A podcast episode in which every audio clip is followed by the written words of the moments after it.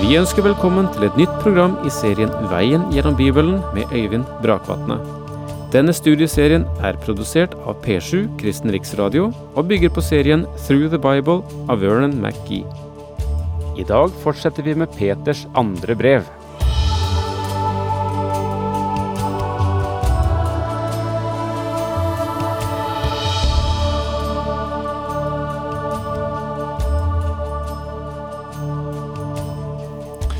Så langt som vi eh, har kommet i annen Peters brev, så har Peter skrevet om det som trygger menigheten, og det som truer menigheten. Og du kan gjerne si at det også går på den enkelte, det som trygger den enkeltes kristenliv, og det som truer den enkeltes kristenliv. Det som trygger, det er det som finnes i Guds ord. Det er eh, Det står fast, det Gud har sagt, til alle tider, og det er et trygt og sant ord. Og det bekrefter Peter, ikke minst gjennom sine erfaringer av Jesus som den som får uh, anerkjennelse av Moses og Elia under forklarelsen på berget, og blir guddommelig forklart der, selv om han eh, også eh, selvfølgelig var, var født inn i verden som guddommelig, så bekreftes det her gjennom denne åpenbaringen. Og dette forteller Peter om, og sier at vi, vi har vært vitne til dette, vi vet det. Og vi vet nå at også det ord som er talt, både gjennom Moses og Elia. Det står fast. Og vi har det profetiske ord, og eh, Gud taler til oss også gjennom sin sønn. Så det som trygger menigheten, det er at Guds ord får plass, at Guds ord kommer til ordet. Det som truer den, er den vridningen bort fra dette sannhetsord som eh, vranglærere representerer. Og her har eh, Peter mer å si i sitt brev. Så langt har eh, Peter sagt hva en vranglærer er, hvordan de vil opptre, og efter at han nå har beskrevet dette, så gir han eksempler. Eh, Peter gir oss tre eksempler på frafalne i fortiden. Det første eksempelet, det er englene som syndet, som vi møter i kapittel to i vers fire. Ja, vi befinner oss altså i kapittel to i 2. Peters brev. Og i det femte verset møter vi det andre eksempelet, og det har med verden på Noas tid å gjøre. Det er et eksempel eh, angående verden. Og det tredje eksempelet, som møter oss i vers seks, det er om Sodoma og Gomorra, som legges i ruiner, og det er et eksempel på kjødet. Vi har her altså verden, den menneskelige natur og djevelen. Men Peter setter djevelen først. Djevelen, verden og kjødet. Og dette er de tre fiender som du og jeg trenger å være oppmerksom på. Johannes, også kalt kjærlighetens apostel, han sier, elsk ikke verden, heller ikke de ting som er i verden. Slik står det i hans første brev, kapittel to, vers fem. Verden betyr ikke de vakre blomstene, fjellene, trærne og havet. Det betyr verdens systemer her nede som er mot Gud. Det er det vi ikke skal elske. Peter tar først opp spørsmålet om djevelen, og om det faktum at Gud i tidligere tider har dømt engler. Dette skal vi være oppmerksom på, og likeledes djevelens virke. Vi skal være klar over det, men vi skal ikke gi ham for stor oppmerksomhet. For Gud skånte ikke de engler som hadde syndet, men styrtet dem ned i avgrunnen, hvor de holdes i varetekt i mørke huler inntil dommen. For Gud skånte ikke de engler som hadde syndet. Noen bibelfortolkere mener at dette henviser til hendelsen i Første Mosebok kapittel seks, Jeg må si at jeg tror ikke at jeg er enig i det, fordi jeg ikke tror at Guds sønner, eller gudesønner, som den nye oversettelse sier, nevnt der var engler. Første Mosebok taler om menneskets genealogi. Det angår slekten som førte fram til Kristi komme, som ville bringe ham inn i verden.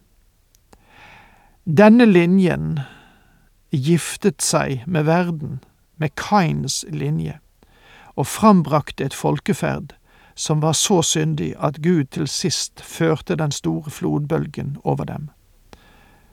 Og det er det Første Mosebok kapittel seks handler om. Og jeg tror ikke at dette verset her i 2. Peters brev henviser til det i hele tatt. Hva henviser da dette verset til? Ja, her må jeg reflektere litt, men Skriften gir oss noen dunkle henvisninger. Vi vil se at Juda brev henviser til dette også, og åpenbaringsboken gir oss visse anelser, også noen av profetene åpner opp for dette kapittel noe. Mennesket kom sent på denne kloden. Vi har ikke vært her så forferdelig lenge, og før mennesket kom hit, var andre sider av skapelsen et faktum. Gud hadde et program gående før mennesket dukket opp på scenen. Også andre skapninger, blant englene, som var Guds skapelser og som var hans budbærere, var det noen som gjorde opprør mot ham og åpenbart fulgte Satan. Det står i åpenbaringen 12,7. Da brøt det ut en krig i himmelen. Mikael og hans engler gikk til krig mot draken. Draken kjempet sammen med sine engler. Langt tilbake i fortiden var det et opprør mot Gud, ledet av den skapning som den vi i dag kjenner som Satan eller djevelen. Han har mange navn. Han er den store forfører, han er løgneren fra begynnelsen av. Denne skapning gjorde opprør mot Gud, og sammen med ham sluttet der seg til en stor mengde engler. Peter forteller oss at noen av de englene som gjorde opprør, allerede er i lenker. De er allerede bundet, men noen av dem er fremdeles aktive. De er meget aktive i verden i dag, og jeg tror at de er de demoner som vi leser om i Guds ord. Der er en virkelighet i den overnaturlige verden som vi må regne med, ikke bare på Guds side. Og Derfor henviser dette verset til det som hendte før mennesket dukket opp på jorden. Allerede da var det en motstand mot Gud, anført av Satan. Men styrtet dem ned i avgrunnen. Ordet for avgrunn her er et uvanlig ord som ikke dukker opp mange steder i Skriften. Eh, det greske ordet er tartarus. Grekerne talte om de fortapte som var samlet i Tartarus. Det er ikke helvete, slik vi kan tenke det. Helvete er egentlig ikke åpnet enda, og vil heller ikke bli åpnet før langt senere. Djevelen er ikke i helvete, han er blant Guds skapninger. Ifølge Jobbs bok har han adgang til Gud, og han er som en brølende løve som raser over jorden og søker hvem han kan fortære. Peter forteller dette i sitt første brev. Selv om Satan ikke er i helvete, så er det visse engler som er blitt internert, hvor de holdes i varetekt i mørke huler inntil dommen. Eh, det greske ordet for huler er seira. Mange tror at det skal være seiros, for det er det ordet som ble brukt i mange av de bedre tekstene. Seiros betyr grøfter eller huler. De to ordene er svært like hverandre, og vår nye oversettelse sier at det er mørke huler. Vanligvis mener mennesker at helvete er et sted som har en forferdelig varme og ild, men jeg tror at det like gjerne kan være et sted der mørket råder.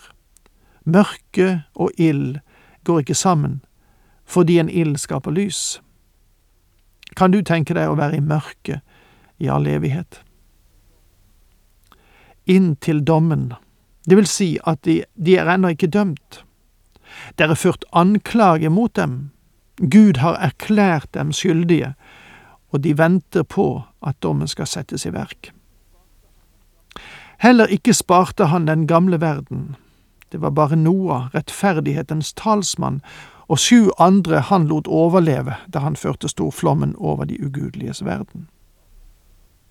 Heller ikke sparte han den gamle verden. I kapittel tre vil Peter tale om tre verdener. Den verden som var, den verden som er, og den verden som kommer.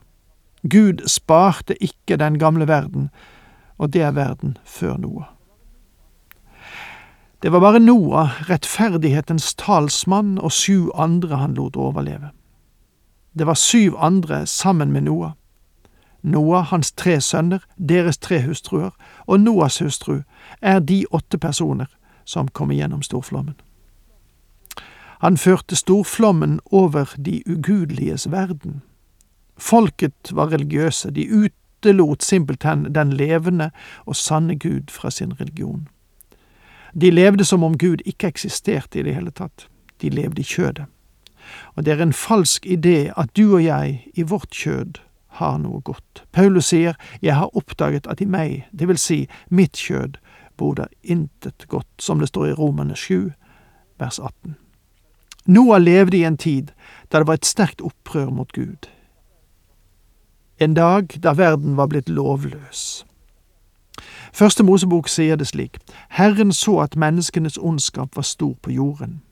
Alle tanker som rørte seg i deres hjerter, var onde dagen lang.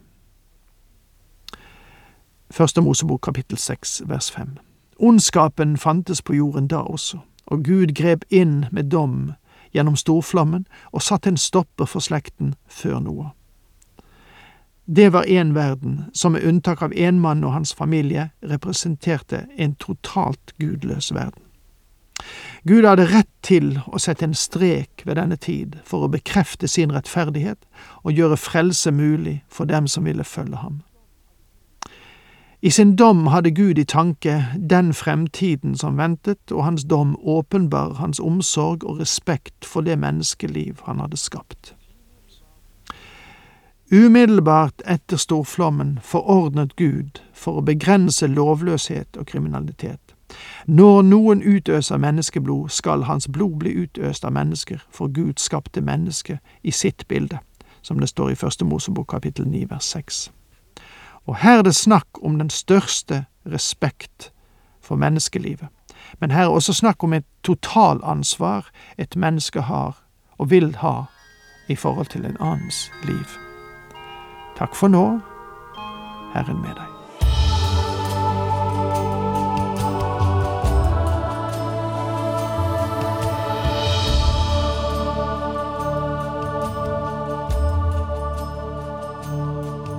Du hørte Øyvind Brakvatne i studieserien Veien gjennom Bibelen. Serien bygger på et manus av Vern McGee. Har du spørsmål eller kommentarer til programmet, kan du sende en e-post til vgb krøllalfa p7.no. Takk for i dag, og på gjenhør.